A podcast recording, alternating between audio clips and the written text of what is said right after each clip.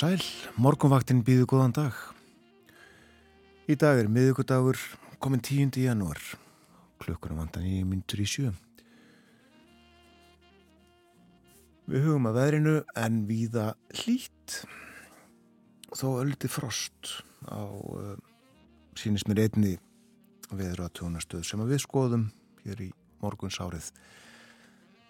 En það var 60 að hitti í höfuborginni fyrir 50 mínutum uh, dáliti kvast, suðustan 10 metrar.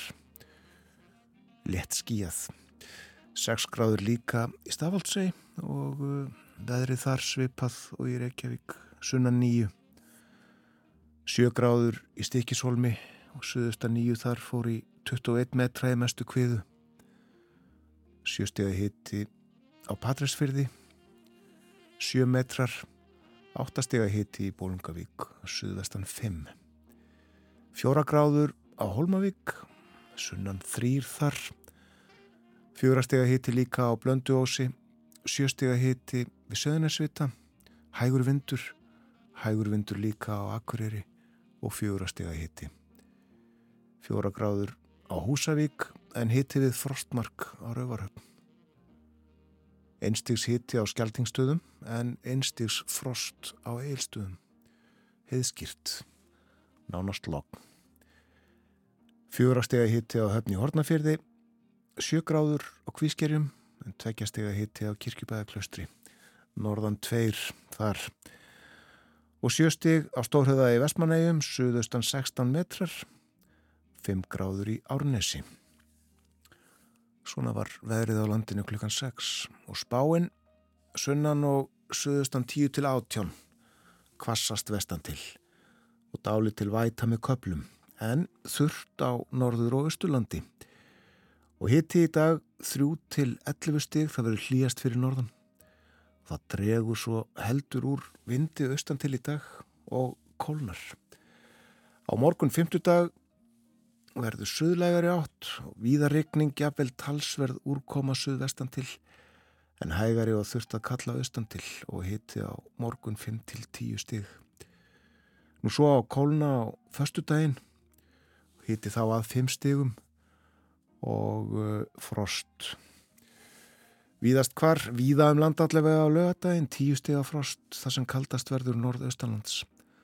Þannig að uh, þar verður 20 stiga sveifla núna á hvað þreymur dögum eitthvað svo leiðis og uh, áfram frost á landinu á sunnudaginn.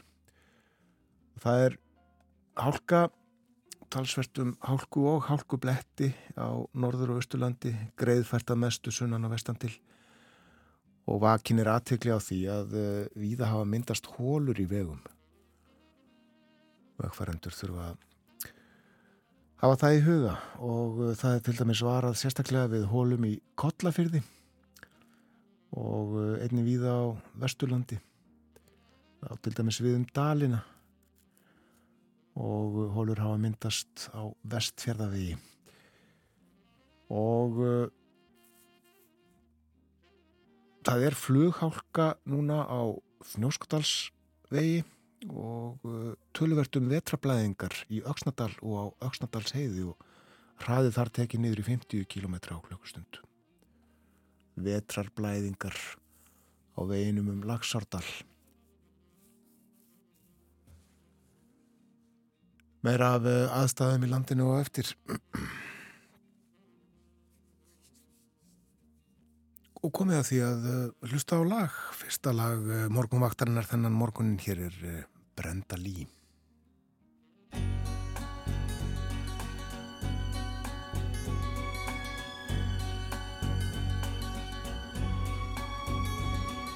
So he told you that you're the dream that he's been searching for.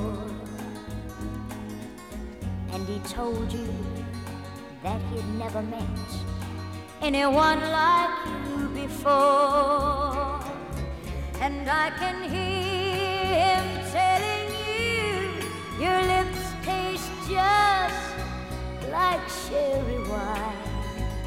But did he tell you that he's known as Johnny one time? Did he tell you that your heart will soon become another trinket on his bracelet of broken hearts? Did he tell you that the morning sun will find you patching up your shattered pride and searching for the missing parts? Did he tell you that the special love you're saving will disappear in flames, shame like mine? Did he tell you that he's known as Johnny one time?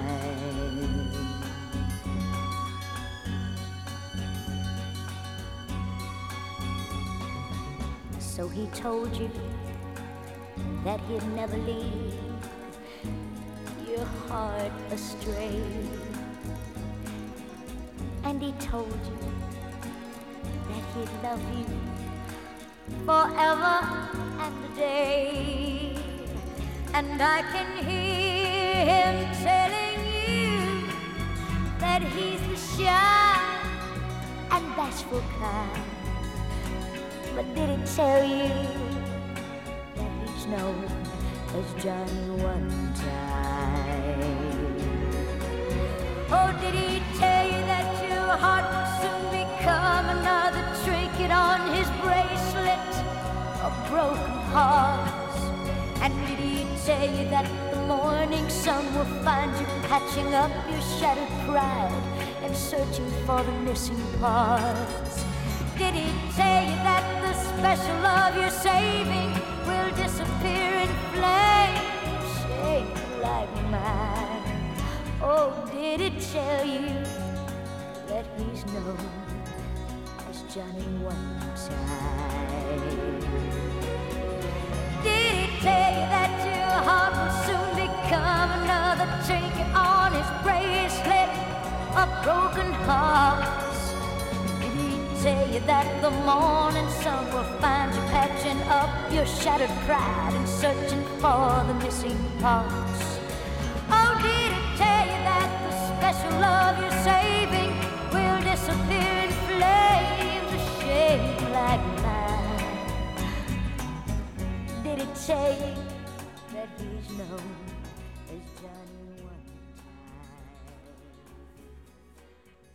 Brenda Lee söng Johnny One Time og meðal annara listamanna sem við heyrum í á morgunvaktinni í dag eru The Birds, M-Unit og uh, svo ætlum við að leika lag með hennum finska Karjalainen. Það líður að fréttum hjá okkur á morgunvaktinni þeir konu eftir rétt tæpa mínútu við förum yfir dagskrá þáttarins að fréttum loknum og uh, lítum í blöð og ímislegt fleira.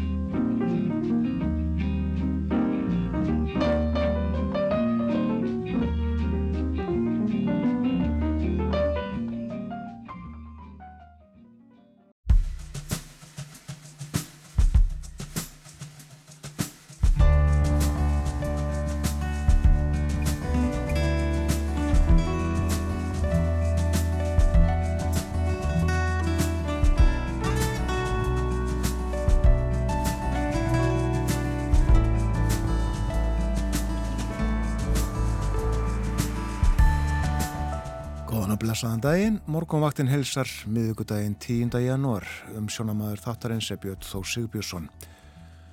Tvennar fórsetakostningar verða til umfjöllunar hjá okkur í dag. Við Íslandingar kjósum okkur nýjan fórseta lögadaginn 1. júni. Nokkrir hafa líst yfir frambóði eða hafa sagst íhuga frambóð en kjörgengi hafa allir 35 ára íslenski ríkisborgarar með óflekkað mannóð.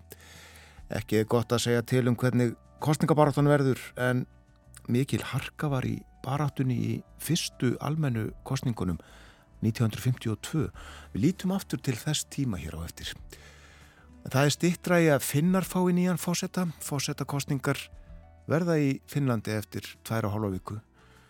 Nýju er í frambóði en baráttan verðist standa engum á milli tveggja. Helga Hilmisdóttir, málvísindamadur, bjó lengi í Finnlandi og fylgist vel með finskum málefnum. Hún verður hér eftir morgunfréttinnar og segir frá stöðumála.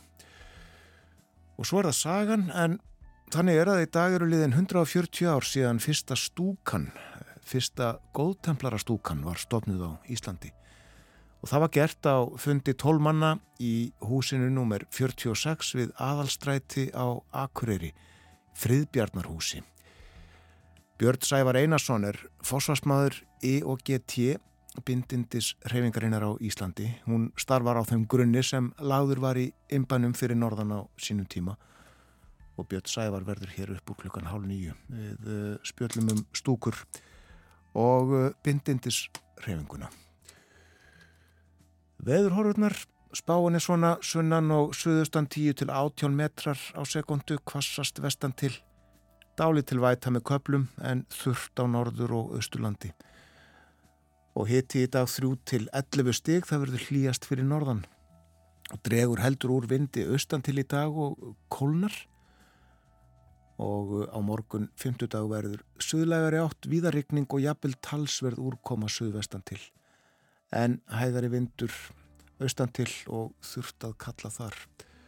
Og hitin á morgun að 10 stigum á förstu dag kólna svo og uh, verður uh, tíu stíða frost á lögadag þar sem kaldast verður, það verður norðaustan til og talsvert frost um allt land líka á sunnudag og áfram kallt í veri eftir helgina.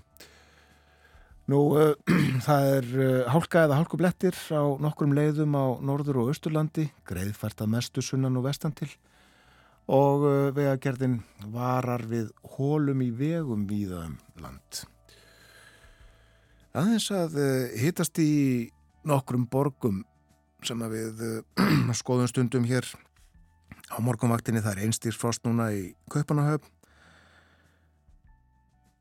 klukkan þar uh, farin að ganga nýju nýju steg af frost í Óslo einstýrsfrost í Stokkólmi og hitti við frostmark í Helsingi þar sem klukkan er farin að ganga tíu. Fimm steg að hitti í Þórsöfni Færiðum og einstýrsfrost í Núk og Grænlandi Tveggjastega frost í París, sjöstega frost í Berlin, sekstega hitti í Róm, hitti við frostmark í Lundunum og fimmstega hitti í Madrid. Á fórsvíðu morgunblæðsins er mynd sem var tekin á bæjastjórnafundi í Grindavík í gæðir. Hann var haldinn í Grindavík og uh, í fyrsta sinn sem að bæjastjórnafundur er haldinn í bænum frá því að hann var rýmdur 10. november. Og uh, rætt hér við Hjálmar Hallgrímsson, formann bæjaráðs. Hann uh, segir það var náttúrulega bara mjög gott að koma heim. Það er gott að koma í bæjastjórnasælun okkar. Það er bara mjög fínt.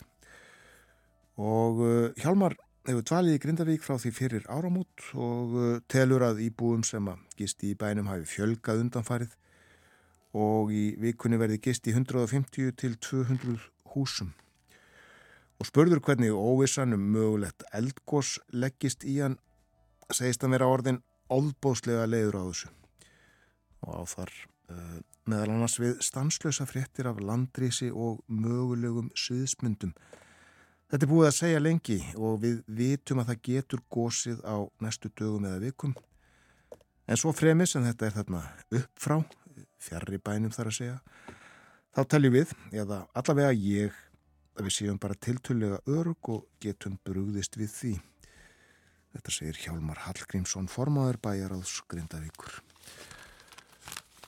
Og uh, á fórsíðu morgublaðsins er líka fjallaðu um málefni matvælar á þeirra og uh, rætt hér við formen þingflokka framsóknarflokksins og sjálfstæðisflokksins sem að segja eins og uh, þeirra var sagt annar staðar í fjölmjölum eða öðrum fjölmjölum að það standi upp á VAFG að gera eitthvað í sínum málum en Oddviti framsóknarflokksins í bæjastjórn Akranes hann vil að matvælar á þeirra stýði til hliðar Europamótið handbólta hefst í Þýskalandi í dag. Ísland uh, hefur leik á förstu daginn. En það er leikið í A-riðli í dag og í þeim riðli eru heimamenn þjóðurir. Fyrsti leikurinn fer fram klukkan 6, þá mætast frakkar og norður makedóniumenn. En löstur í nýju í kvöld, kortir í nýju þá uh, mætast Þískaland og Sviss og uh, þá mun falla heimsmet og um það er fjallað á íþróttasíðu morgunblæðsins. Nýtt heimsmet verður sett í kvöld þegar gestgjafar Þískalands undir stjórn Alfreðs Gíslassonar taka á móti Sviss. Og það er leikið á hennum glæsilega knaspinnuleikvangi Fortuna Dusseldorf Merkur Spíl Arena. Hann er með færanlegu þakki og í gær var staðfest að í það minsta 53.000 áhervendur uh, yrðu á leiknum en leikvangurinn rúmar um 55.000 manns og það var strax í september sem orðið var ljósta heimsmeti myndi falla. Þá var búið að selja 45.000 miða. En fyrrametið var 44.129 áhörundur og það Met var sett í september 2014, einni í Þýskalandi. En uh, þá var leikið á uh, knaspinu leikvangi Frankfurt. Og það var deildaleikur í Þýsku eftir deildinni og uh, mættust á Rænakir Löfven og Hamburg. 53.000 áhörundur á handbóltarleika, þetta með ólíkjendum. En já, ballið er byrjað. Mikil uh, veistla og þessi leiki tveir uh, eins og, já ég er bara vel flestir leikir mótsins held ég með að segja verða síndir í beitni útsendingu hjá Ríkisjónarpinu á uh, Rúf 2.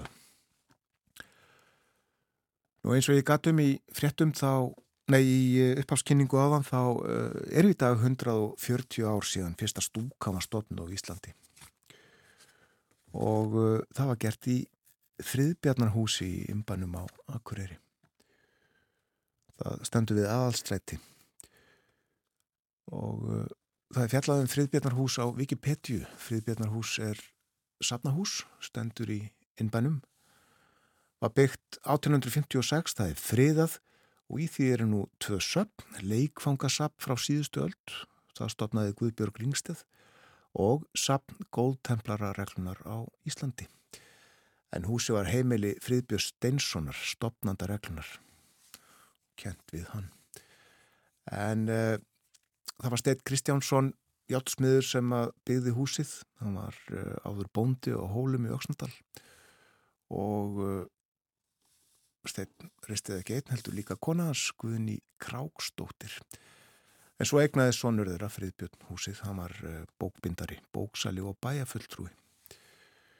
Friðbjörn fættur 1838, mikill aðtapnamaður, uh, satt í stjórnbæjarins í 40 ár, mikill félagsmálamaður, átti þátt í stopnin margra félaga og uh, stúkan þar á meðal og hann stopnaði líka framfarafélagið sem að koma á stopn sunnudagaskóla fyrir yðnaðamenn og það félag emdi líka til leikfimi kennslu og alþýðu fyrirlestra og Friðbjörn stóð einnig að stopnun Jærdaræktarfélags Akurirar og Yðnaðamannafélags Akurirar.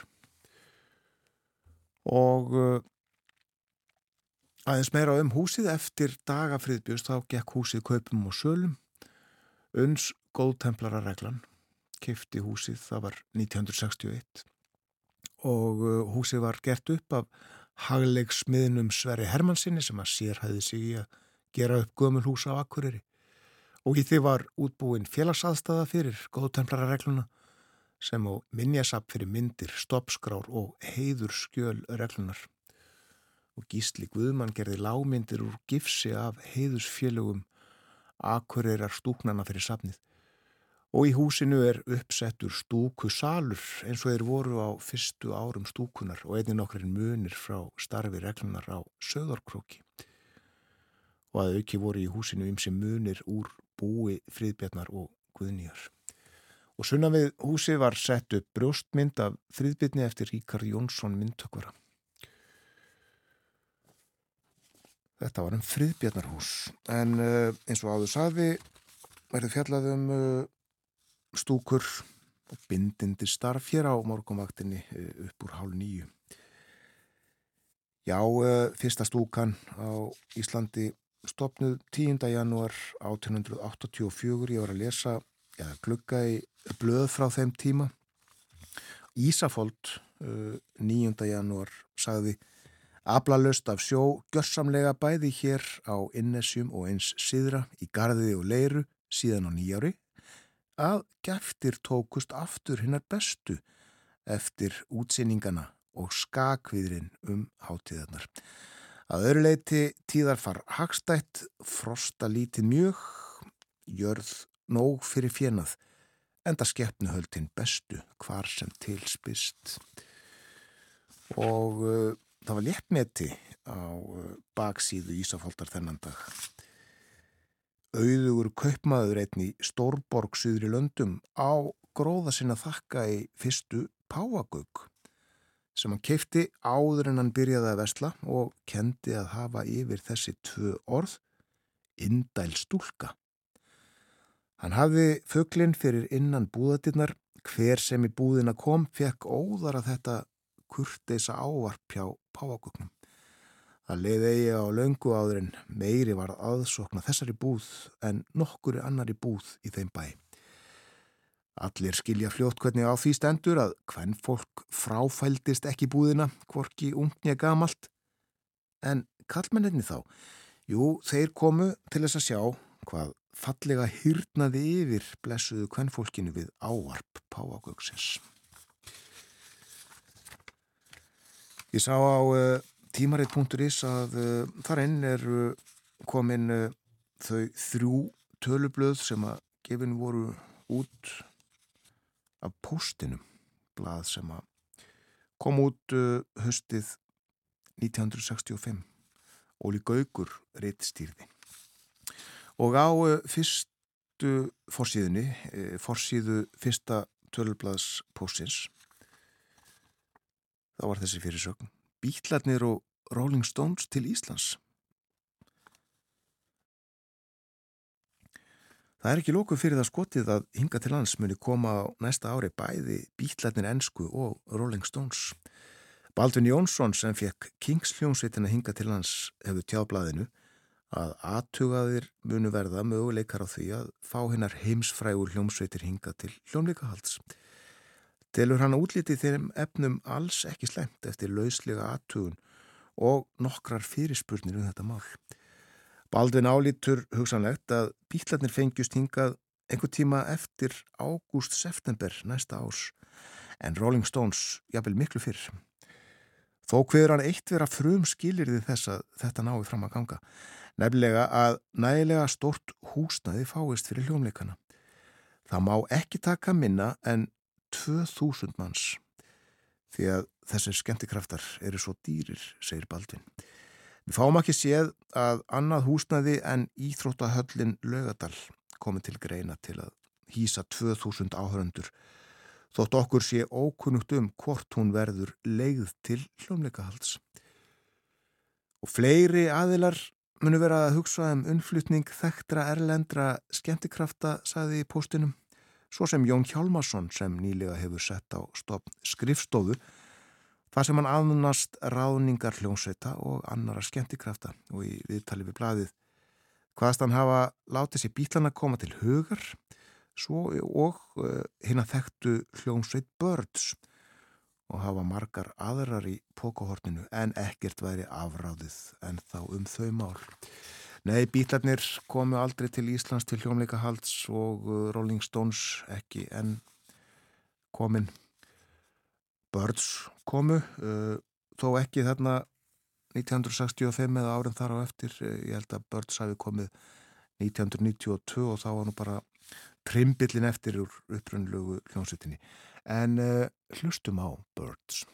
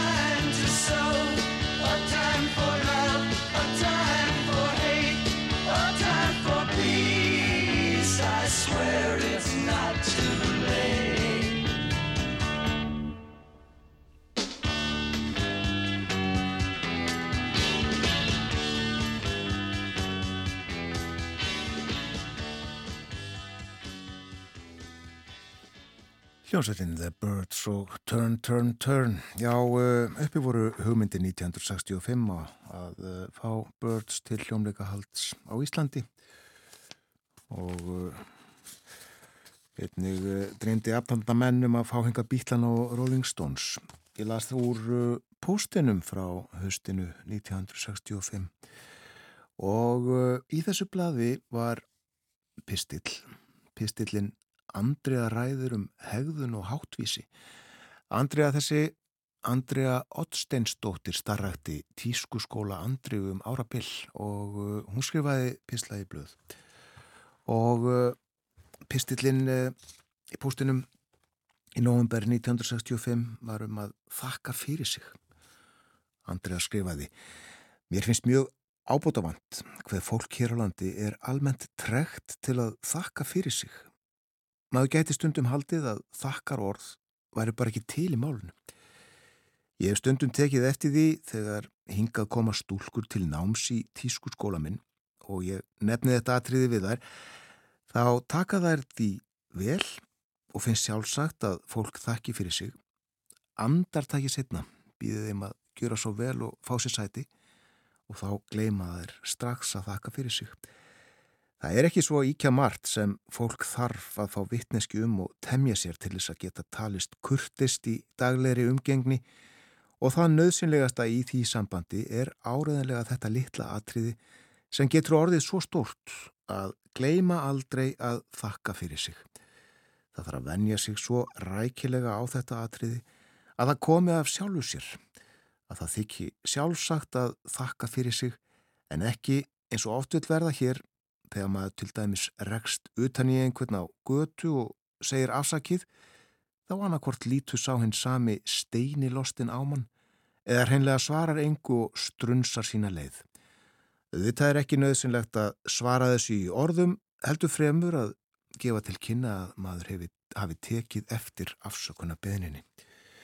Já, svona skrifaði Andrea Oddsteinsdóttir í tískurskóla Andriðu í postin að eh, þakka fyrir sig. Thank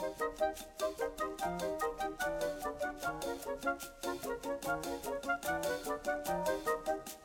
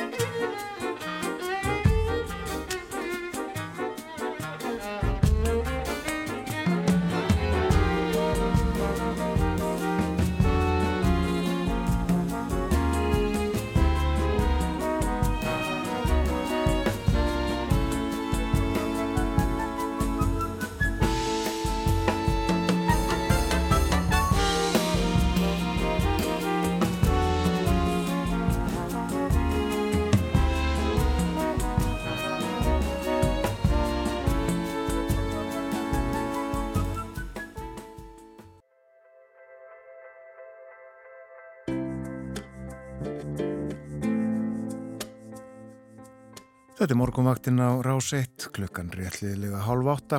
Það er miðugudagur í dag, komin 10. janúar og uh, það verður sunnan og suðaustan átt á landinu. Vindfræðin að 18 metrum á sekundu kvassast vestan til. Dáli til væta með köplum en þurft á norður og austurlandi. Hitti í dag 3 til 11 stig, það verður hlýjast fyrir norðan. Fósettakostningar verða hér 1. júni eftir uh, rúmlega fjóra og hálfa mánuð. Fáennir hafa líst yfir frambóði og einhverjir sagst íhuga frambóð en ómögulegt er að segja til um hvaða nöfn verða á kjörsæðlinum. Frambóðsfrestur er til 20. og 7. april. Og að samaskapi er ekki gott að spá fyrir um hvernig kostningabaróttan verður eða hvað eða kvuslasmál verða á ottinum þetta og allt saman eftir að koma eða ljós. En þetta verða tíundu fórsetakostningarnar á Íslandi og fymtu kostningarnar þar sem sitjandi fórseti er ekki í kjöri og fyrstu slíku kostningarnar voru 1952, þá var Ásker Áskersson kjörin. En fyrir tæpum fjórum árum, degi fyrir síðustu fórsetakostningar, þá revjúðum við upp kostningabaráttuna 1952 og fjöldluðum um ímislegt er varðar forsetta ennbættið. Gestur okkar þá var Svanu Kristjánsson, professor emeritus í stjórnmálafræði við Háskóla Íslands. Og við ætlum að endurleika þetta viðtal nú. Við hverfum aftur til sumarsins 2020.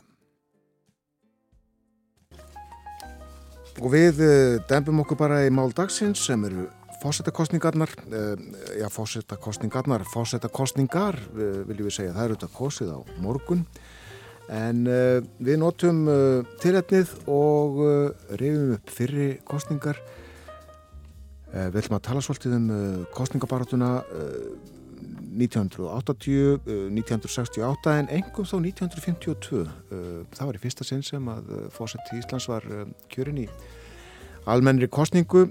Sveit Björnsson, hann var jú kjörin af Alþingi fyrst 1944 og svo sjálf kjörin eh, 1945 og 1949 það bárust ekki mótframbóð en eh, 1952 voru þrýri frambóði og uh, það var mikil harka í kostningabaratunni þjóðin gatt valið á milli Áskis Áskissonar Bjarnar Jónssonar og Gísla Sveinssonar og áskýruðu þetta fyriröndi fósættisráð þeirra landsins og já, harka sagði ég og byllandi pólitík bæði beittu flokkarnir sér, forsvarsmenn flokkana og líka fjölminarnir.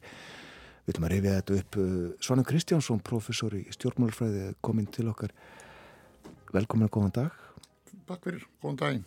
Já, sko við eigum þess ekki að vennjast svona hins síðari ára en við sjáum það auðvitað í, í blöðum frá þessum tímum að, að já, þarna var um að ræða, já, þannig litum enn á að fórstæðanbætti væri bara mjög pólitist ennbætti, ekki sant?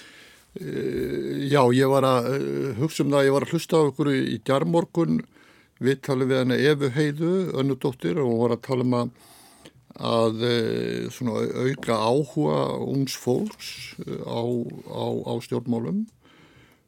Sko eitt af því sem við getum gert til þess að auka áhuga ungs fólks á stjórnmálum er að revja upp merkilega líðræðishefð Íslendinga og ekki til þess að búa til ykkurar glansmyndir um, um ykkur og góðsaknarkjendir sko, um sjálfstæðisbaróttuna og, og, og, og það allt saman heldur líka að það er nú þannig að, að e, við erum alltaf að tala um það að líðræðið e, sé flókið og hafi margar merkingar og það er ekki rétt. Meina það er, allir líðræðisinnar eru sammálum það að fólkið er að ráða og svo er bætt við í eins ríku mæli eins og mögulegt er.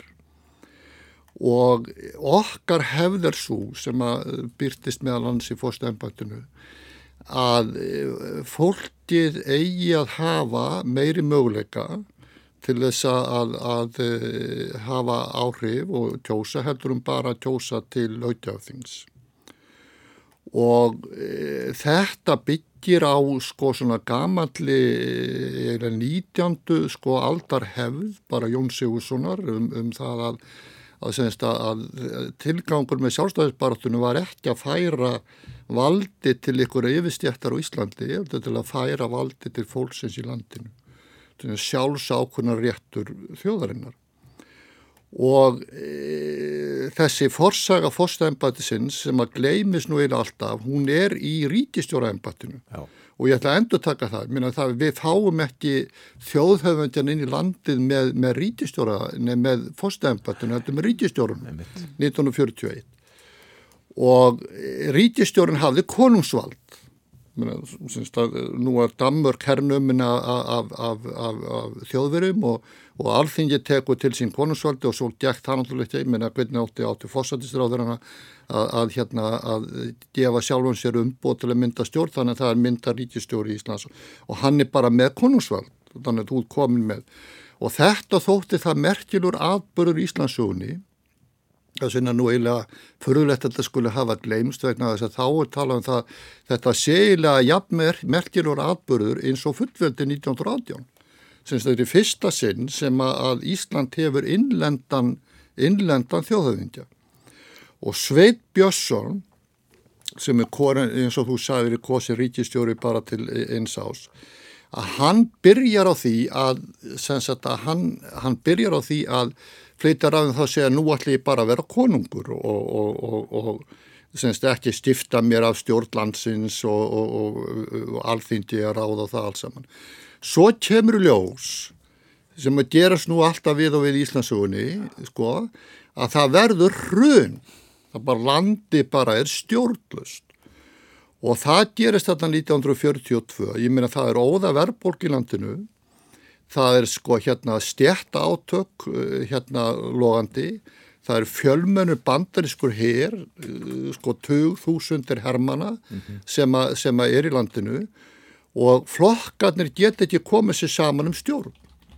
Og, og, og, og þeir sem að veri hjá mér í hérna uh, námi stjórnmálufræðinu vita að ég segi sko að það voru þrjá ríkistjórnir sama ára 1942 sko, og það sem að gerist er það að Sveit Björnsson hann stýgur inn í þetta sko hlutverk um að vera þjóðarleitögi. Það þurfi bara að vera eitthvað sem er að hugsa um hagsmunu þjóðarinnar sem að, hérna, e, e, e, sem að sjáu um það að útvega stjórninni landinu ríkistjórn ef það þurfi. Hann myndar, myndar utan því stjórn um höstið og hann tekur til hendinni sveit við það að sko að hérna að, að mynda þetta bandalag við bandaríkin. Og það gleimis líka alltaf í sögunni hvar hlutleysi stefnan var ríkt inn í minni íslitingar það, það, það er að segja að, að hérna, Ísland var ævarandi hlutlust land. Og Sveit Björnsson taldi að þetta var ekki stefna sem degði og var í mjög nánu tengslu um bandaríkjaman og bandrækjuminn hafði mikið dálætt á sveini þannig að honum er bóðið 1944 um að bóðið í heimsóknum kvítahúsið Rósveld dónu ári eftir við, sko, þannig að um hvað voru það ræðið þegar voru ræðið það herin ætti að vera áfram í Íslandi eftir, eftir, hérna, eftir stríði Já. þannig að Sveit Björnsson er áhrifamesti stjórnmálumar á Íslandi á hérna á, á, á 20. stöld síðan kemur það að þá að fara hérna að mynda stjórnarskrá búa til stjórnarskráta 1944 og þetta er rætt mjög mikið á áranum stjórnarskráðan, aldur fárunlegt að stjórnarskráðin hafi ekkert verið rætt, hún var rætt stanslöst í þrjú ár frá 1941 til 1944 og þingið kemur með þá tillögum um að, að, hérna, að þingið eigjara að, að hérna, kjósa fórsetan og geti rekiðan þar sem það sé engin aðkoma þjóðurinnar að, hérna að því. Og þá verður uppreist í landinu. Bara, bara það logar allt í, í, hérna, í, í landinu út af því. Þetta er ekki líðræði það er ekki líðræði að, að, að þingið ráði hver er þjóðhauðingin það er þjóðin sem á að ráða þessu og það vil mér að segja þannig til að við höfum skoðanakönnum sem að sína fram á þetta sem Torfi Ástjóðsson gerir. Það er 70% þjóðarinnar sem vilja þjóðkjörnum fórseta, engist 20% sem að, að stöttu þingi og 10% á, á móti. Já. Nú þetta er nú ekki döga til, nema bara það að Sveit náttúrulega var þraudreindur stjórnmálumæður mm -hmm. og það er komið sem stjórn sem hann hafi skipað og engungu vinnur hans og, og, og vitum, ég segi stundum sko, ég ber vola litla virðingu fyrir þeim fræðumönnum sem er að fjallum þetta tímubil sem hafi ekki nefnt að fara hérna niður þjóðstjálasafn og lesa sko gögnin frá Sveini Björnssoni það sem að lýsir nákvæmlega allir þessar atbyrður ás og Gísli Sveinsson sem myndist á sem böð sérna fram hann kemur til, eh, til Sveins og tilkynur honum svona heldur bara tilkynur honum nú allir eh, að vera ganga frá þeirri tillugu að þingiði í senst að kjósa hérna fósittan. Gísli fósitti samlega stings. Já mm. og stöttu setna þá kemur hérna og er hendur lágt á hann risið til fósitta Íslands. Og hann spyr fósittan sko að veitna þess að ríkistjótin vildi líka hafa þjóðtjörnum fósitta og sveitvísi það með þjóðina baka sig. Og, og hérna og, og Gísli segir við hann já hvað myndu gera ef að fósittisráþarann gera tillögum að rjúfa þing? Og þá segir sveit já sjálfsögum mun ég verða við þeirri tillögu og það gleimis nefnilega sko að alþingi kemur ekkert nála þingrófi. Þingrófið er bara höndum sko fósættisráþurans og síðan getur fósættin samþýtt eða neyta hérna, e, e, e, neyta hérna þingrófi. Þannig að, að þeir sem að voru með þessa stilgreining og líðræði sem er góð og gegn stilgreining um það að, að þingi þegar kjósa hérna, fósættan hérna, að þá er því hafnað og þegar ég að tala svona um líðræðislegar hefðir sko 1944 er Ísland eina landið í heiminum sem hefur sko fórseta sem er þjóð, hérna, kjörin beint þjóðkjörin. Sko í bandaríkjunum eins og veitu þar eru kjörmenn, mm. í Finnlandi var sko voru líka kjörmenn alveg 1986. Síðan fer Sveitna beita sínu völdum og hann beitir þeim, eftir hann orðan fósiti, hann beitir þeim sérstaklega gegn sjálfstæðiskloknum og sósialistum vegna þess að Sveit Björnsson, hann var þeirra skoðin að sósialistar ætti ekki að vera stjórn á Íslandi og reynda að forða það að hjá stjórn og þeirra voru komin í stjórn og reyndana að sprengjana. Hann var á móti sko hérna meira hluta eh, sjálfstæðiflokksins, eh, þingflokksins sem undur og hérna Ólafur Tós og hann beinlinni sko 1942 þá rakan Ólaf Tós frá völdum Já. bara hérna sko þannig, þannig að kostningarna 1942 neða 1952 þau eru, þær eru um það að þegar að sko hérna að, að, að flokkakerfi í landinu og það sérstaklega stæðstir flokkunum, sjálfstæðarflokkunum eru búin að uppvita það að það er komin þjóðhauðingi sem veitir þeim aðhald.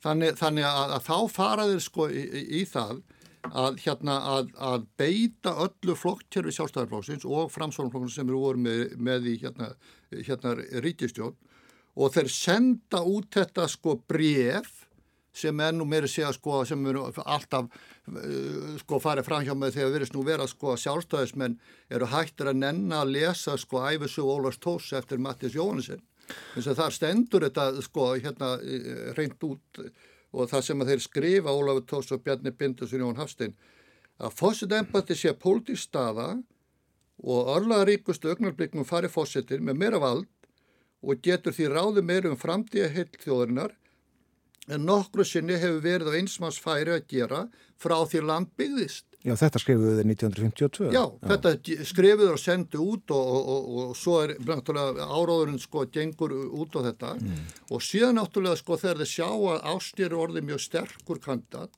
þá hefjast mjög hadramar og personlegar árásir á ástýr. Já.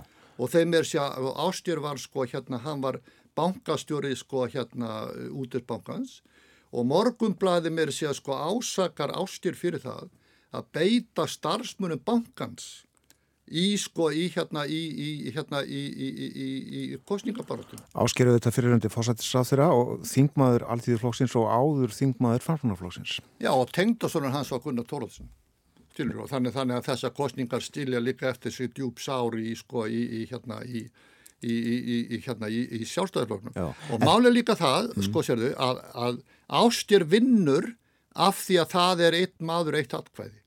Stilur, hann, hann, það er sko hvert og það ítir undir lögmætti fórsetans að þar eru við jafn. Stilur, það er atkvæðisrættur og svo hérna er náttúrulega líka sko að vara með uh, kona hans var Björn hérna var Dóra Þólastóttir og þeir bara var bóðið fram þannig að þau voru alltaf 2-1 og, og glæsilegt hérna, hérna uh, hjón og ástyr semst vann þessa kostningu en þó þannig mm -hmm. að, að það sem bjargaði nú var frambóð Gísla Sveinssonar vegna þess að, sko, að ástyr fjekk ekki mér hlutan sko. Það munaði uh, rúmlega 800 atkvæðum á áskeri og uh, bjarna Um, og það var mikil pólitík í þessu eins og við uh, nefnum, uh, þú talar um uh, framgöngu sjálfstæðisflóksins og morgurbladsins og, og já, framsvonarflóksins líka en, en hvað með frambjöðunduna sjálfa? Voru þeir mjög pólitískri sinni kostninga bara áttu sjálfur? Já, já, vegna þess að Ástjér, sko, hann er, sko, hérna, að, að þetta voru átök, sko, hérna, að, að Sýra Bjarni Jónsson, sem var nú domtítjuprestur og aldraði maður, að hann sko segist alltaf virða bara sko hérna þingstjórnin í landinu semst að alþengi er á það. Já. En ástir öll hans kostningabaróta en það náttúrulega djör þekkti ástir þessar hefðir sko hérna, hérna alla saman um, um þessar líðræðis sko hérna líðræðis hefðir og, og meiri að sko tengdafæður hans Þóróttur Bjarnason, hann var nú sko biskup, hann var sá sem innleiti sko almenna presskostningar þannig, þannig að, hérna, þannig að, að ástjör djörþekti að tjörður var fólkið kýs fórsetan. Ég ætla að veita flokkavaldinu í landinu aðhald, stjálfu Þannig að ég er fulltrúið þjóðarinnar og ég mun beita þeim, sko, hérna, þeim, þeim hérna, valdseimildu sem ég hef. Eh, mikil pólitík í, í kostningabaráttunni en eh, var ásker mjög pólitískur í störfum meðan hann gengdi eða? Ég þakkaði fyrir að spurja þessar spurningar vegna þess að, að, að það sagan er svo engin þetta minnum mig á sko þegar hæstar þetta dómar í bandaríkjónum er að dæma allt öðruvísi heldur en að, heldur en að menn ætla að gera þegar þau stýpaðir sko ástir beitti völdum sínum í þáu sjálfstæðisflóksins sem bara er svo gerðan sko, og, og, og, hérna, og þegar talaðum sko valdleysi fósittans mm. sko ástir sprengdi vissistjóðinu 1956 58 sem að vildi láta hérinn fara Já. og hann gerði það bara ofinbeglega menn það er ekkit sko Það er vissi alls konar frásæðina því hvernig hann vann að baka tjöldin sem Valur Ingemyndarsson hefur sagt frá í sínu verkum. En Ástið bara kom fram og sagði, ég menna ég tel að við hefum að vera áfram í, í, í varnabandalega vestrarna þjóða, við ég tel að hér er að vera hér. Mm. Síðan eh, stipar hann sko ræðuna því að Guðmundur í Guðmundsson samflóksmaðurnas verður öllverkisar á þeirra og þeir eru í því allan tíman, í því allan tíman að sprengja vinsistjónina. Og, og, og svo þegar hún er sprungin þarna 1958 þá náttúrulega vildi hann ekki að Herma Jónasson fengi sko myndaði stjórna þegar þeir voru gamlir anstæðingar úr, úr, úr, úr fransamlóknum þannig að ég ætla að segja þetta þrísar Herma Jónasson fekk aldrei umbót til að mynda stjórn 1958 að því að fórsetin taldi hann ætti ekki að vera fórsetinrátra mm. og hvað gerði hann í staðin? Það sem hann gerði í staðin hann útnemdi sagt, eh, hérna Eh, formann eh, minnstaflokksins, Emil Jónsson, til þess að verða fórsættið þráþur í utansinsstjórn og svo undurbjóðan stjórnarsamstarfið í sjálfstæðarflokkin sem var upphafað viðræstastjórnini sem var myndu 1959. Já, ríkistjórn... Uh, sjálfstæðarflokks og framsókn, sjálfstæðarflokks og alltíflokks. Er ríkistjórni Emils sko minnlutastjórn, e ekki utan þingstjórnir svo? Já, það sagði utan þingstjórn, það gæði fyrir. Og hún, hún satt og þetta bara prógramið sem að virðsastjórnum var með var bara prógram beint frá ástýri það var sko hérna, það var kjördamabreitingin eh, sem að hafði lengi verið áhuga mál ástýrs eh, Þa, það var skal sér að, að hætta við að láta hérinn fara og það voru sko efnaðstilugur og mér er að segja ástjur let undirbúa efnaðstilugur mm -hmm. sem að síðan kom til sko sjálfstæðarflokksins til þess að undirbúa ríkistjóninu. Við þurfum að fara svolítið hrættið við sögu, Sannur. Uh, já, áskifa mjög pólitískur í uh, ennbætti segiru. Uh, það gerir svo bæði 1968 og 1980 að stjórnmálamönnum er hafnað mjög afgerandi. Uh, fyrst Gunnari Tórótsen og uh, svo Albert Guðmundssoni. Þú varst á vettvangi 1968 í kostningabaróttu þegar Gunnars og Kristján Seldjón. Ég er náttúrulega vanhafur til þess að tala um þessu kostningar. Við, ekki, við getum ekki haft áhrif á það?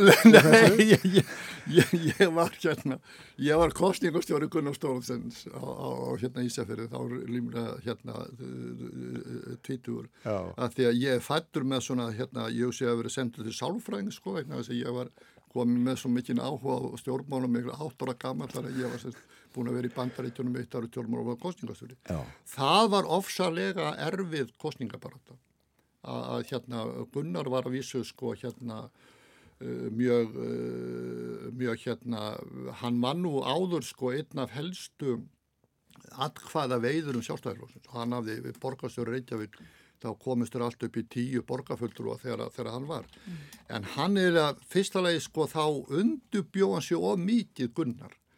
Og, og, og hérna hann, hann var svona að draga sér út úr hann skrifaði sko hérna skrifaði eh, doktorsritjar og það voru einhver skoðanakanni gerðar en, en, en, en við mann sko að þetta, við fundum það að þetta var mjög þungt Já. fyrir vestana því að það sem að gerðist í kostningunum 68 talandum sko líðræðishefðunar að versta sem að gerist ef þú ætti að reka svona atvinnumadur og stjórnmálumadur eða þá starfsmæður eins og ég var ef þú ætti að reka kostningar það sem að, og svo fyrir vennlegt fólk að skipta sér að kostningunum og það bara stóð upp með, með hérna, með Kristján Eldján algjörlega óvígur hera fólki sem að maður hefði aldrei orðið sko varfið vegna þess að sko við vorum með öllum höfðingjónum, allir höfðingjarnir voru með okkur og þú fóstur að akkuræður og þá voru frímúraröðnir allir hérna, stuttu þannig að það, það sem að var var það að ríkistjónum var mjög óvinnsæl. Og, og, og, og þó að segja svona, það er svona reglur í þessu það að í fórstakostningum vinnur alltaf uppresna maðurinn í jakkafötum.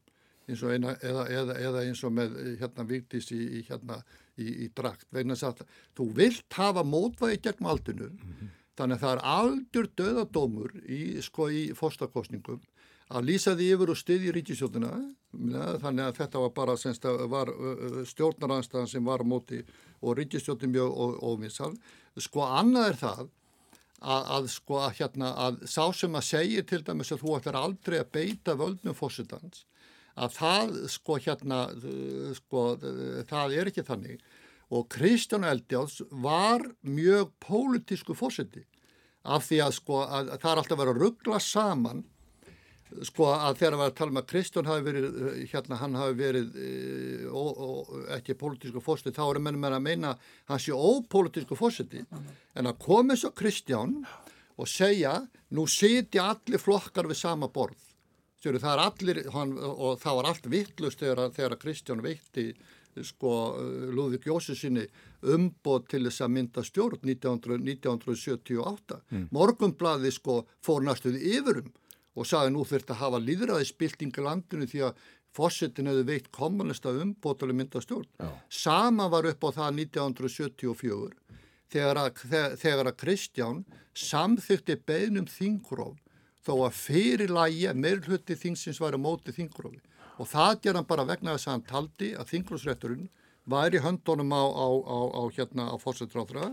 og þannig á rauðþing og þá tölum mennu um það þessi óumdeildi fórseti sem menn segja núna sem alltaf hafi setið á friðarstóli á bestastöðum þá sögum menn það 1974 að nú hefði fórsetin framið valdarán í landinu og, og, og sendt þingið heim og, og, og láta ríkistjóðan að sitja áfram sko, fram yfir kostningar. Mart hefur verið sagt og skrifað um uh, fórsættaðanbættið gegnum árin við um mínútu eftir svonur. Uh, mér langar að spyrja þig uh, og þú verður eiginlega að segja já eða nei. Er fórsættaðanbættið enn þann dag í dag með þeim hætti sem að þeir Ólafi Bjarni og Jóhann lístu þetta 1952?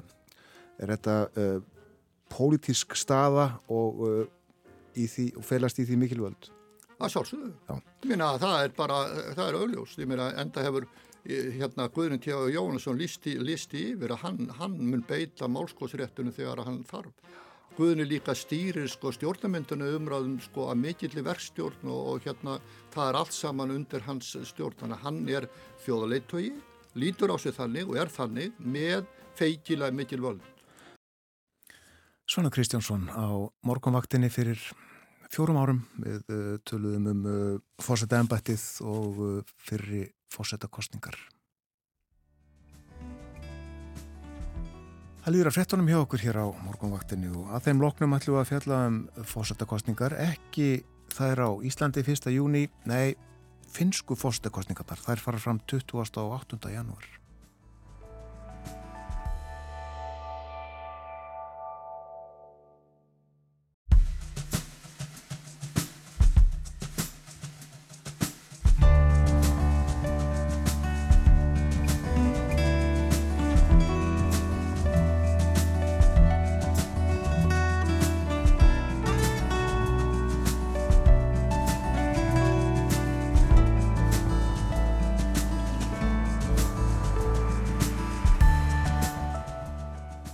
Ný, þetta er morgunvaktin á Rás 1, klukkan farin að ganga nýju, það er miðugudagur í dag komin 10. janúar. Hér fyrir fréttinnar þá endur leiku við viðtal frá sumri 2020 um uh, fósetta ennbættið íslenska og uh, kostningabaráttu, þá var uh, einn dagur til fósetta kostninga. Þá voru í kjöri Gunni T.H. Jóhannesson og uh, Guðmundur Franklín Jónsson Guðni hafi betur og uh, hann lætur af ennbætti 1. ágúst næstkomandi fórsetta kostningar á Íslandi 1. júni já við uh, endurleikum þetta viðtal við Svan Kristjánsson í tilefni af því að uh, fólk er núna veltaði fyrir sér hvort þegar að gefa kost á sér til ennbættisins þetta er pólitíst ennbætti og uh, völd þess eru mikil saði Svanur Hér næstu mínútur verður fjallað um aðrar fósettakostningar. Það verður kosið til ennbættis fósetta Finnlands síðar eða þessum mánuði 20. og 8. janúar. Og þar eru nýju í kjöri en baróttan virðist engum standa meðlutækja.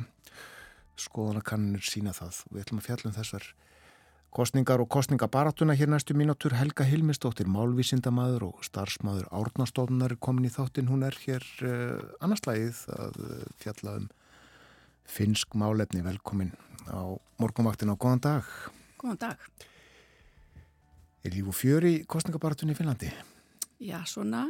Uh, ekkert sko, það er ekkert sérstaklega viðbörðaríkt og það hefur verið kvartanda því að, að, þetta sé ekki alveg komið á stað en þá. En þá rúmar tvær vikur til stefnisósum? Já, og þetta hefur verið mikið svona, já, sem er að kalla þetta sirkus. Það hefur verið að kalla frambjöndur inn í viðtöl og spyrja, byrja um að velja svona lag lífsins og svona fjalla um svona uppáhaldstólstina sína og eitthvað svona en, en kannski, já, fólk hefur viljað heyra meira svona um málefni. Já, já það gerist vonandi. Já. En uh, já, baráttan verið standa á milli tveggja uh, annars vegar Alessander Stúb og hins vegar Pekka Havistó. Mm -hmm. Hvað getur þú sagt okkur um þess að menn? Já, Alexander Stubb, hann er tvítingdur, uh, hann talaði bæði finsku og sænsku heima, en gekk í sænskan skóla. Svona, ég, ég hérna, upplefa hann sem svona, það er mikið hann finlandsvíja eiginlega. Uh, hann er samt ekki svo, svona, í finlandsænsku klíkunni þannig séð sko, hann, hann lifir líka mjög finsku lífi á konu frá Englandi og hérna, er mjög svona mikill Evrópusinni. Hefur verið náttúrulega að vinna fyrir Evrópusambandið og, og hefur verið ráðherra náttúrulega fórsist ráðherra og, og, og gengt í ýmsum ráðherra ennbættum áður. Hann er svona alþjóðleg mjög alþjóðlegur uh, al, alþjóðleg típa en svo er það Pekka Havistó sem er uh, hann er uh, græningi en hann býður sér fram sem hlutlaus uh, frambjöðandi núna en hefur stuðning græningi og hann er svona mjög góðu líka, þeir eru báðir mjög frambarlegir finnst mér og, og, og þeir eru báðir aldrei vera afskalega góðir eða gott efni í fórseta og hann er svona róleri kannski típa og svona jarbundnari og, og hérna svona pínu jarðíta talaði um teflon í þessu samhengi stundum á góðan hátt sko en hann láti ekki á sig fá þó að það sé eitthvað svona skýtkast út í hann og kemur sínu fram Já. sem er talið gott í þessu samhengi Og Pekka, uh, líka stjórnmálmaður fyrirverandi utrækisráþur eða mann rétt? Já, hann var utrækisráþur í ríkistjórn Sönnu Marín og þótti mjög góður þar Já. og þykir mjög, já, góður. Tölum aðeins um uh, fórsetta embættið í Finnlandi. Það er öðruvísi heldur en hér á Íslandi og það er einhvers konar blanda af uh, embættum fórsetta hér og fórsetisráð þeirra. Það er heilmikið mm. pólitíkana. Já, þeir eru, þeirra sko, erkefni er kannski fyrst og fremst samskiptið rúsa. Það er svona þeirra helsta svona ábyrðarhlutverk. Uh, en, en svo er þau líka náttúrulega að sjá um, um sagt, utanreikisrammál í samstarfi við ríkistjórnina og, og það er sérst, þá samskipti við Evropasambandið og, og NATO þá núna og, og bandríkin. En Rústland er kannski það sem er mikilvægist og samskiptin séu náttúrulega ekki mikil núna eða engin held ég Nei. út af ástandinu. Skapastundu tókstreita milli ennbætta í, í Finnlandi, milli fórsetta og fórsetisráðra? Já, það kom upp til dæmis rétt fyrir kostningarnar í fyrra þegar Sanna Marín sagði eitthvað og þá leið að að úgrænumenn getur nú kannski fengið uh, orustu flugvilar sem að þeir væri að afskrifa í Finnlandi og, og þá varð uh, fórsetin kallaði hann á teppið og, og, og hérna, leiður eftir hanna að það væri nú ekki búið að ræða þetta við hann og svona þannig að, að það var alltaf pínu tókstritt á milli þeirra að tvekja uh, Sannumarinn og hérna og Sáli Nínistu Já. og, og hérna fórsetin var náttúrulega miklu valda meiri áður fyrr á tímum Kekkonis að hafði hann óverlega mikil völd En hefur verið dreyð úr þeim? Já, sko, hann náttúrulega var ekki eins og þurfti ekki eins og færi gegn kostningar hann undir að síðasta hann Kekkonin, hann var bara einhvern veginn, fekk framlengingu og hafði mjög mikil völd og gæti rofið þing og svona og, og stjórnaði hlutunum og svo þegar hann tók við, hann hérna kóivist og eftir e, þegar Kekkonin var sagt, e, já, steikti hliðar að þá þá vann hann að því að draga verulega úr völdum fórsetta og það var stíð e, skref enn lengra núna fyrir tíu árum að vera að draga úr þessum völdum sko. Þannig þegar allt er eðlert í Finnlandi að uh, þá, er, uh, þá eru utreikismál stóra málið í kostningabartunni uh, já, já, en svo geta það líka tekið þátt í svona umræðum um svona almenn gildi svona að, að við nú, já, gildi ég ætla nú ekki að fara nánar út í það en til dæmis var nýnistu gaggrindu svolítið fyrir það að vera ekki ákvennari þegar í umræðinu í fyrra þegar var verið að tala um sko rasisma í samfélaginu og hann hefði átt að stíga inn í og, og vera með svona einhverjar yfirlýsingar sko. Já. Hann þótti verið svolítið svona hlétrægur þeirri um, umræðu, fannst sumum. Hver sínst þið svona annars uh, afstæðan meðal finna til hans vera uh, þótt hann standa sér vel? Já, fólk er nú, sko, finnar bera alltaf rosalega mikla virðingu fyrir sínu fórsetta og þetta hefur nú verið mjög góður fórsetta líka sem þeir hafa verið með, sko og nýnist og þá, hann þykir svona já, hann er náttúrulega mjög íhjaldsamur og svona pínu gammaldags kannski á margan hátt en, en hann hefur samt mjög marga góða hliðar og hérna hann til dæmis, hann áfrekar ungan són núna, hann, hann náttúrulega misti fyrir konuna sína og í, miðri kostningabaráttu þannig 95, þannig að fólk svona þekkir svona hans sögut alltaf vel og svo eignaðist hann að batsisett frekar uh, já, fyrir 5-6 ánu síðan og Hann hefur svona sérst svona í röðinni í, í, í hverfisbúðinu að kaupa bleiur sent á kvöldin og stilla sér upp bara með hinnum og þetta þykir mjög svona, já, sína hvað hans er góðu maður. já, já. Ég mann þegar var 75 ára á síðasta árið þá fór hann í göngutúr, langan göngutúr, gekk einhverja 10 kílometra til þess að vekja aðtikli á uh, líðhelsu og góðu heilbrið, svona hollum lífstíl og, og bauð fólki að koma og ganga með sér spökkort og rætti við fólkið. Já, einmitt. En undan honum var svo uh, Tarja Hallon. Já, fyrsti kvennfórsetin í Finnlandi og hún var líka mjög vinsæl. Já. Gerði margt gott. Já. Það er ekki út fyrir að konaverði e, næsti fósetti Finnlands. E, þeir e, stup og hafist á njóta mest fylgi samkvæmt skoðanakönnunum. Já. Þar á eftir kemur náðungi sem að þú þekkir eða kannast við. Já, aðeins úr mínu háskólanámi. Segð okkur frá honum. Já, hann er fósettið Þingsins uh, og Jussi Halla Aho og já, hann er... Uh, var formaður Sandra Finna á tímabili tók við þarna af Tímo, Tímo Sóini uh, og gerði flokkin svona að svona um, já, setti svolítið meiri hörku í þetta gagvart innflytundum hann hefur verið dæmdur tvísart fyrir fyrir hattusorðræðu gegn uh, minniluta hópum í Finnlandi. Hann er núna að kæra einhvern uppistandara í Finnlandi sem nefn, sagði að það væri fasisti sko og hann, það er einhver lögurlegur ansókn í gangi út af þessu núna akkurat í kostningabaróttinu.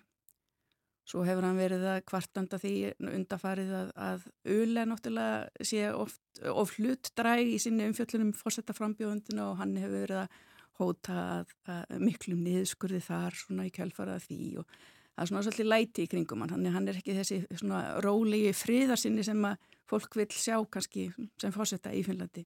Ule er eh, fiskaríkisúttarpið. Já, já, ríkisúttarpið. En hann er með 13% fylgi? Hann er með 13% fylgi á aðalega meðal kallmanna og um, já, þannig að það er eiginlega, sko það er ekkit mjög langt á millin nefnilega uh, stubb og, og halla að meðal kallmanna, þannig að það eru konuna sem draga til dæmis bekka hafist og svolítið upp já, já, já, og stubb líka. Þannig að ef að, já, ef við verum ekki með kostningarétt kvenna þá væri kannski, þá væri þeir kannski tveir stubb og alla að slást um ennbætið. En, en sko hann hafist og hefur meiri sko, fólk tristir húnu verið meira vera betur fyrir sko utanengismálum og að leiða þjóðinni gegnum krísu en svo vil fólk frekar sjá stubb sem fulltrú á þjóðurinnar þannig að, að, að já, það er eitthvað misræmi þannig á milli. Já, valið getur orðið erfitt fyrir marga greinilega. Já, einmitt. Já. En það er þannig fyrirkomlaðið í Finnlandi að fórsetin þarf að hafa 50% atkvæða þannig að mm. það er líklegt að það verði og þurfi að efna til annar umferðar. Já, það er eiginlega, já, ég held að séu hvað 22-24% prosent að fylgi á hvort núna, sko, þannig að það er nú ólíklegt að það náðu meir hluta. Já, og hún fer þá fram bara skömmu síðar eða eitthvað? Já, 11. februar. 11. februar. Þá kosið til finska þingsins síðasta ári mm. og uh, ný ríkistjórn tóku völdum uh, 20. júni eða mann rétt, hvernig finnst þér henni hafa reitt af? Uh, já, þetta hefur nú verið erfitt haust og hérna náttúrulega mikið læti í kringum ríkistjórnina, það var uh, aðalega umræði náttúrulega í kringum fjárlögin og uh, það er þessi gaggrína að, að þetta á eftir að koma hart niður á, á til dæmis uh, bara fátækum og öryrkjum og náttúrulega stúdendum og svona stúdendar voru með setuverkvall í haust í bara öllum háskólum, helstu háskólum landsins. Er sem sagt niðurskurður í Finnlandi? Já, mikill niðurskurður og, en samt virðist ekki vera sko, fjárhárun er samt ekki að lagast. Þeir þurfa að taka meiri lán þó að sé að skera svona niður að því að þeir eru líka lækka skatta á kannski þá sem eru með hæri laun og svo er þau að draga úr bensumsköttum sem að umhverju sinnar eru mikið á móti þannig að það er svona verið að rýfast um hitt og þetta. Og svo kom náttúrulega landamæradeilan inn í þetta allt saman við rússa það sem að var verið að loka landamærunum þannig að það er svona ímislegt í gangi Já, þetta eru þetta fyrstu fósættikostningarnar eftir að Finnland gekk í allarsvarsbandalæðið Já, einmitt einmitt En það var talsverð eining um það eða ekki? Jú, jú, það var mikil eining um það og, og hérna, þá var Pekka Havist og einmitt utanengisráðara og, og Sanna Marín var fórsættisráðara og, og svo var það nýnistu og þau þrjú svona litu þetta í gegn. Já. Þú nefnir uh, Sönnu, er hún alveg horfin á sviðinu?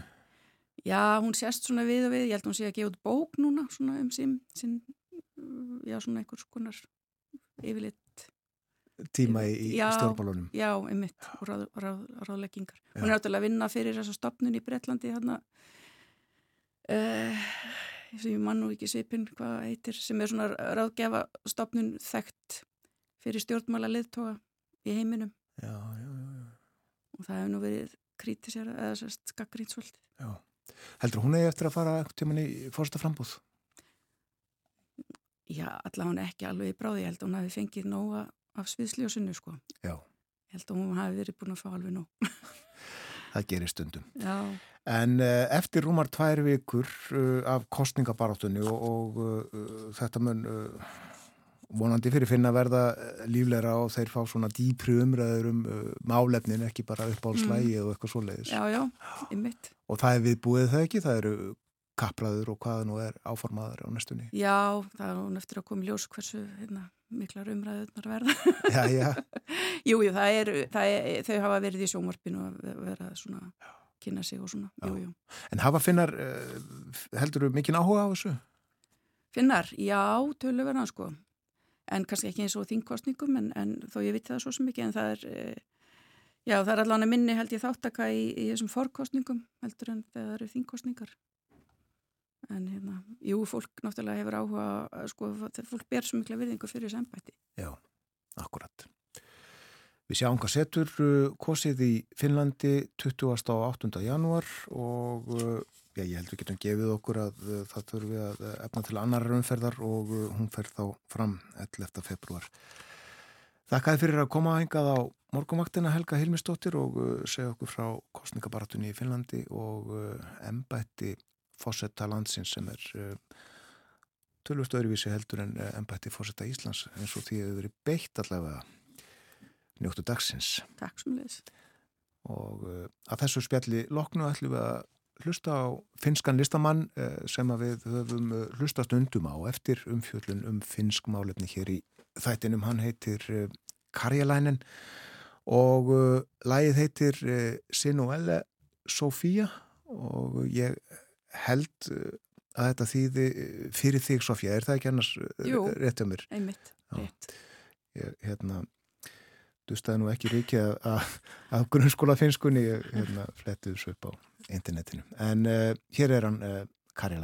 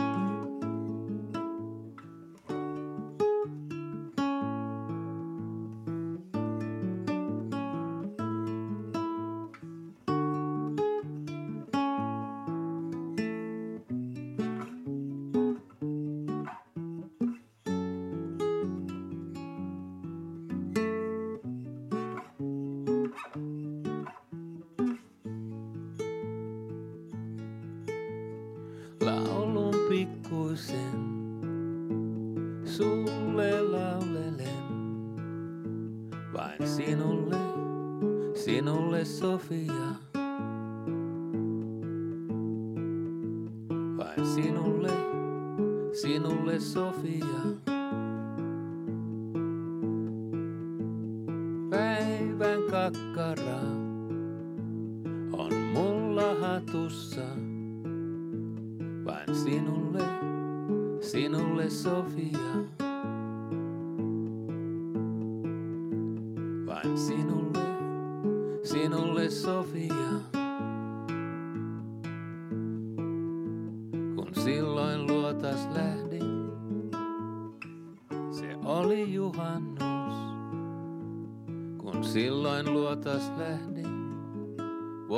29, kuinka oisin voinut edes aavistaa,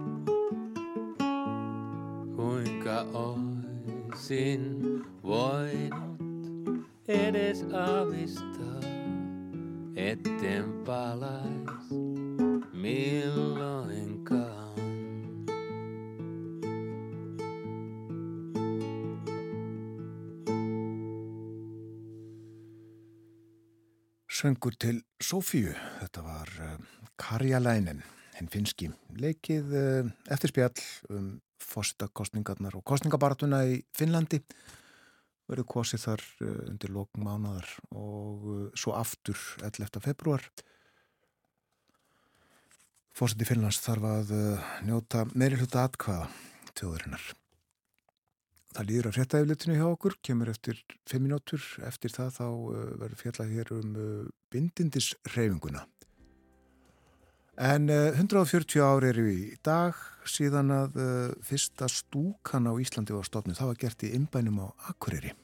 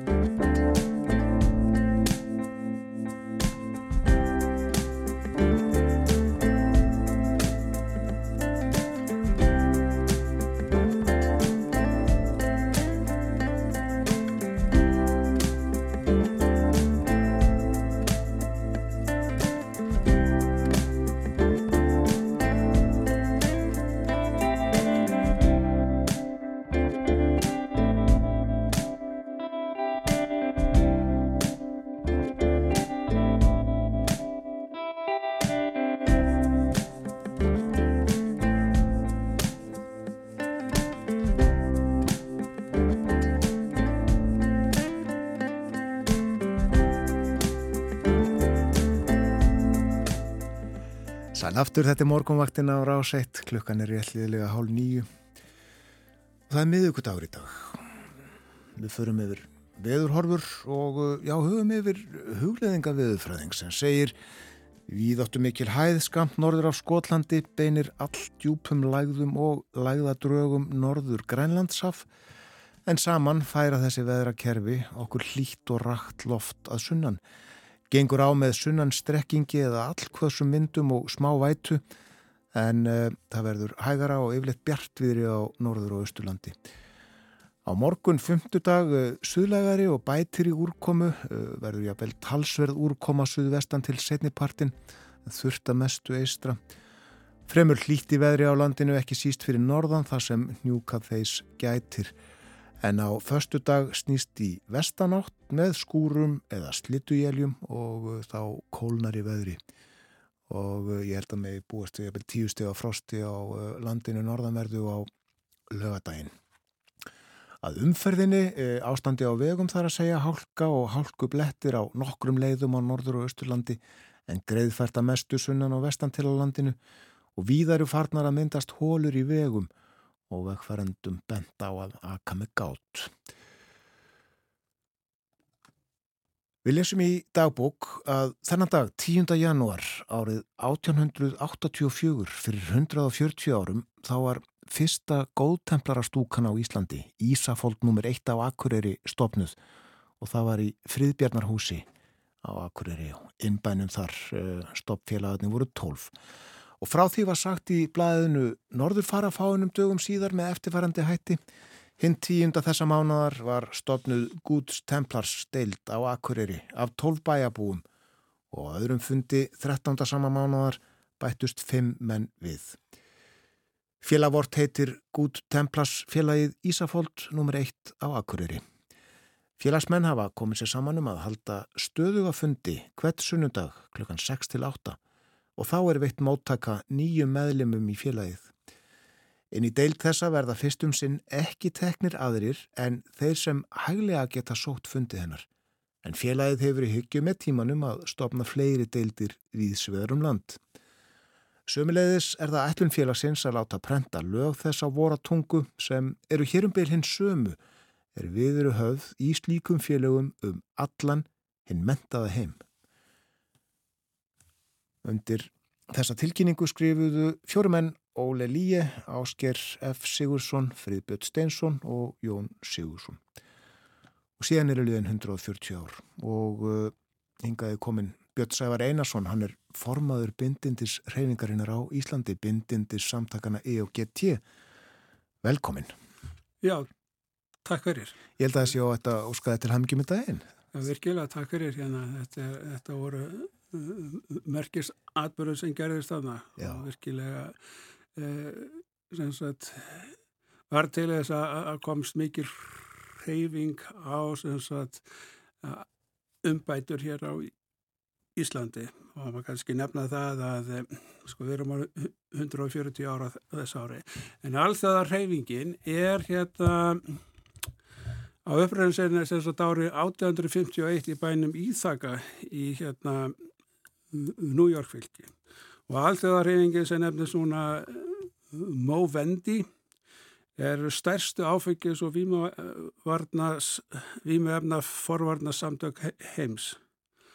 Og hérna við erum svona almanna heitla samtök, við erum friðar og mannréttindarreyfing og reynum að vinna að mannúða friðar og menningamálum, heilbrið og öryggi borgarana til almanna heitla og maður kannski segja að slagorðið okkar sé það sem sagt við teljum að skjótasta leiðin til að bæta heiminn sé að lifa vímuefnalausum lífstíl og reynin eina skilirðin fyrir félagsaðild En maður kannski bæta við að kannski maður segja að EOGT í heiminum hafi lifað svona lengi af því að frá uppæðu voru þeir svona hreyfing sem hliftu öllum að. Það var alveg skipt um hvort það væri ríkur eða fátækur eða hvaða litur eða sagt koni eða kall og síðan var þessi uh, félagsmála kjensla sem fór þannig fram og æfingi því sem sagt. Uh, eina skiljir þeir fyrir félags að þetta er yfirlýsingum að neyta hvort í áfengisni að annara výmöfna. Þannig að við erum sem sagt alveg allavega þar sko sem sagt við teljum að, að best sé að sleppa þessu alveg. Já.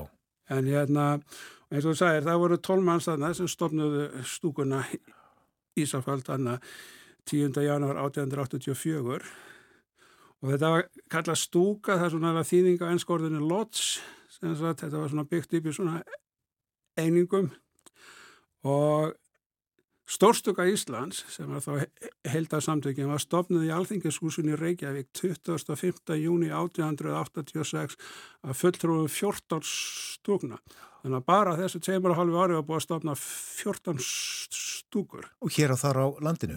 Já, og hérna og þetta er svona kallað góðtemplarar reglan, við erum kallaði góðtemplarar og það er svona af því að enska heitið var International Order of Good Templars og þetta vísaði þá voru náttúrulega allir sagt í hérna vestrarna heimi kristnir og svona vísaði það að, að við vorum í baráttu gegn sagt áfengisbölinu eins konar, konar krossverð og og maður sýnir hvað krafturinn er mikill að þið fræga gút og góðtemplarahúsið í Reykjavík sem, sem var fyrir, á Tjarnabakkanum fyrir framann Alþingishúsið, það var vikt annan oktober 1887 þannig að sér það fyrsta stúkan er stopnað 84 og bara þreymar ára setna þá erum, erum við búin að byggja hús og eru fleiri hús í byggingu.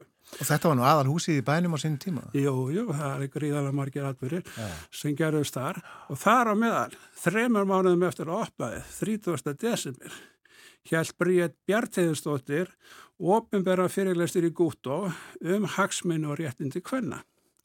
Þannig að góðtemplara voru þannig strax eins að það farnir að hjálpa til við að, að íta áfram réttindum hvenna. Árið 1890 þá var sagt, bætt við þannig kassasviði og fóru leiksýningar þannig fram. Það er leikfélag Reykjavík tók til starfa. Þannig að það voru templar og það voru þetta um víðan land sem templara sem leiklistina og er eiginlega frumkvælar í því sko. Já, og setna var svo gút á slagurinn en, en hann nú óteindur svo, svo góðtænbara reyfingunni. Síðan var efna það sko. Marger af stopnöndu fyrstu verkefliðsfélagana kom úr röðum templara og það voru náinn tengsla millir binditisreifingarinn og verkefliðsreifingarnir og, og, og form og skipulag var reynda mjög svipað sko. Já. Og fyrsta stjættafélagið, prentarafélagið var stofnað 1887 af prenturinn sem voru í stúku og síðan síðar þá voru það meðal sjómanna þá voru bárufélagin og síðan verkamannafélagið dagsbrún síðan voru ungmennafélagin sem sagt, tókum þátt í að stofna þau eitt af þeir sem var kent og sjálfað í félagsstarfsemi EOGT það voru svona fundar og ræðuhöld. Og Ólafur Ragnar Grímsson fyrir fórseti, hann skrifaði mjög hlýlega um uppeldi sitt í stúkunum fyrst á Ísafjörði og síðar í Reykjavík. Og það er sent aftur hann að segja hans er mikill ræðumadur sko. Þannig hérna, þessi þjálfi nýttist líka konum í, í réttindabaróttu sinni. og konur og bindindisreifingunni voru með, að stopnaði hins íslenska kvænfélags og, og kvítabansis þannig að og, og þetta var líka erlendis að, að þekktar og frægar hverjitunda konur sagt, komu sagt, úr röðum hérna hérna sem sagt bindindisreifingarna og þetta er einu endur spekla þá staðrind af því að áfengjast hann alltaf mjög svo dólegu við að segja við sem svona afturhalsöfl þegar við erum við búin að sína fram mjög framsækin reyfing og við erum reyninu að bæta heiminn og það endur spekla þetta að staðrind að bindindisreifingin er svona framsækið afl og margir af þessum börðus eru afnamið þrælahals, hverréttindum, réttindum verkafólks börðus egni fyrir bindindi og hérna, það börðus gegn áfengis yðnaðanum. Já. Áhugavert að skuli segja ja. þetta Björn Sævar uh, sko að, að, að, að þið eru fríðar og mannréttindarhefing Já Þetta er svona að við erum að sko við erum alltaf að sá, sjáum það að það að neyta fíknjafna það er engun til góðus og það er reyninni hérna en, en þá má kannski segja það að að fíknefnaðinarinn hann náttúrulega gengur út af það að reyna að ánætja þig. Og hann nefna það allir þess að þjóðverjar þeir tala um það að 10% fullorðan að drekka 50% af áfenginu. Því er reyna þessi 10% það reyna sem halda upp í, upp í gróðanum. Og hérna hjá áfengis eðnaðanum og hérna e, Já, að hérna... Hvernig, hvernig metur stöðu áfengismála í samfélaginu í dag? Sko, einu sinni var uh, talað um og þú nefndi það á hann áfengisbölið já, já. og barist gegn því en er, er, er, er uh, fyrir við varlega með vín yfirleitt? Nei, það er náttúrulega vissulega breyst eftir að, að, að bjóring kom en það er enda mjög sérsta sko eftir að bjórin var lifðir 1989 ári eftir að alþjóða krabbaminsstofnunum líst yfir því að staðrind að áfengi veldur krabbaminni mm. að þá að þá hefur áfengisnesla í lítrum talið á hvern mann eiginlega tvöfaldast Og ég með það myndi líklega sent segja það eða þú myndi segja að vera með kvikasölur að það var í lausni að við erum með vandamál með kvikasölur í mat og lausnin er svo að tvöfalda kvikasölur í, í mat. Og þú vil líka því bara við það? Já, já sko, sko, það er hérna rannsóknir sem sagt síðustu 30 ára sína betur og betur hvað mikið sem sagt uh, tjón það veldur og sem sagt núna í, komu nýjar samnorrænar næringar ráleikingar út á síðast ári og það er einfallega bara að segja að, hérna, að það er ekki hægt að gefa upp örygg viðmjöðuna mörgum áfengisneislu og er því mælt með að öll að allir forðis neistlu áfengis. Sér áfengis neist ber, neitt ber inntaka að vera í lámarki. Já. Það er bara nýjastu næringa ráðningan eru svo sagt við ættum helst að sleppa því og helst að aðneita sem minnst. Já. Hvernig finnst þér uh, starfið eitthvað ganga? Það gengur alls ekki nógu vel. Það er náttúrulega, fyrsta leið er náttúrulega allir í þarna frjáls uh, félagssamtöki í dag er í vandraði með það að fá sagt, nýja uh, meðlemi til þess að, og til að taka þátt í félagsstarfinu. Kanski er þetta, myndum við segja, getur verið, einn ás og getur verið að við vorum svo frábælega, tók svo frábælega vel upp með hérna átækið það að fá úlinga til að hætta að drekka. Þegar við ákvæðum það sem þjóð að það bara gengi ekki upp að úlingarnir söfnuðust saman er á hallarinsplaninu og væri að, að drekka þar og við sem sagt, sem sagt þetta er kallað íslenska módeli sem gengur út það að við hefum að hafa félagstarf fyrir úlingana en aðalatir er það að við hefum að foreldrar úlingar og börn eiga að vera meira saman. Náttúrulega ef þau eru meira saman að þá náttúrulega kannski gefa þessi minni tíma til þess að fara út á kvöldin og taka þátt í einhverju félagsstarfi hérna. Einmitt. Að, hérna en, en það gekk vel einmitt en, en síðan hvað sopnuðu við aðeins að Já, síðan er þetta alltaf svo að við tölum alltaf um að forvarnir þurfa að vera, eru ferskvara, það er alltaf að vera að minna aftur og aftur, en er, er fíknefnaður alltaf að, að reyna að brjóta, að brjóta þetta niður. Já. Og hérna, e, benda það sem sagt að áfengisneisla hún hindrar sjálfbarni. Heimsmarkmið saminnið þjóðana, að við hefum þýtt bækling sem sýnir það að Áfenginsneisla hindrar 14 heimsmarkmiðunum 17 sem sýnir hvað, þetta er viðtækt. Sagt, þetta snertir ekki bara örfá, þetta snertir alla fleti mannlýsins. Hérna. Og hérna, e, og talandi um það, mjög erfitt að komast í fjölmiðla og það, og sagt, það vil ég segja að, sko við segjum bara hérna, áfengisneisla heldur samfélagskostnaði upp á 150 miljardar á ári. Ja. Og það bara, bara bregst engin við. Við sendum bref til þingmanna og sendum á 1500 aðra og við hérna þarfum mjög beinskeita spurningar og eh, hvað með þessi sjálfbarnir hvað ætlað þú að gera í því? Það er engin svarað, engin fjölmjöndur er að kvikt ekki á þess og vildi ekki, hefði frekar átt að spyrja þingmennu, hvað ætli þið að gera í þessu? Svaraði engin þingmaður ykkur? Það var eins sem sagði þakkaði fyrir hérna, en sem almennt er hérna, það svaraði ekki neina spurningum sko hérna eh, sko áfengisnisla eh, það degja árið 2016 það dói 55 miljón manns í heiminum þar að þrjár miljónir úr áfengis, áfengistengdum sagt hérna döðsöllum dói var snemma og það dói 8 miljónir tengdum tópasreikingum. Það er svona 11 miljónir. Basically það, það voru 20% sem það döðsöll í heiminu voru tengd þessum tveimur fíknefnum, löglegu fíknefnum. Og það er náttúrulega drikkið mest í Evrópu. Og það er það sagt að, að, tíunda hver döðsfall í Evrópu sé tengt áfengi.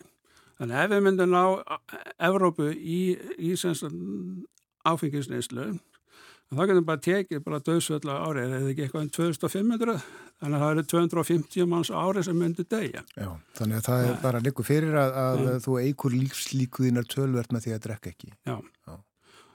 Og, og við náttúrulega viljum helst að aldrei að byrja, því að ég er hérna, Eh, það er eina áfengisinn að fíknarnir vil alltaf að þú, að þú pröfir. Því að þannig nærðu sko hérna fólkinu og nærði þá sem eru kannski í hættu að verða fíklar og stórnættendur en, en nú bara sína nýjastu rannsóknir að öll neysla hún, hún veldur einhverjum skada sko mm -hmm. mm. Uh, Nei, e, það er ekki gengið vel, ekki nú vel segiru hjá eitthvað starfið en uh, þeim fjölgar samt er það ekki eða kannski fjölgar hinnu meira en þeim, maður verður meira var við fólk sem að, lifir því sem kallað er áfengislausum lífstíl Já. einmitt sko og, og það er, það og er stolt að því sko.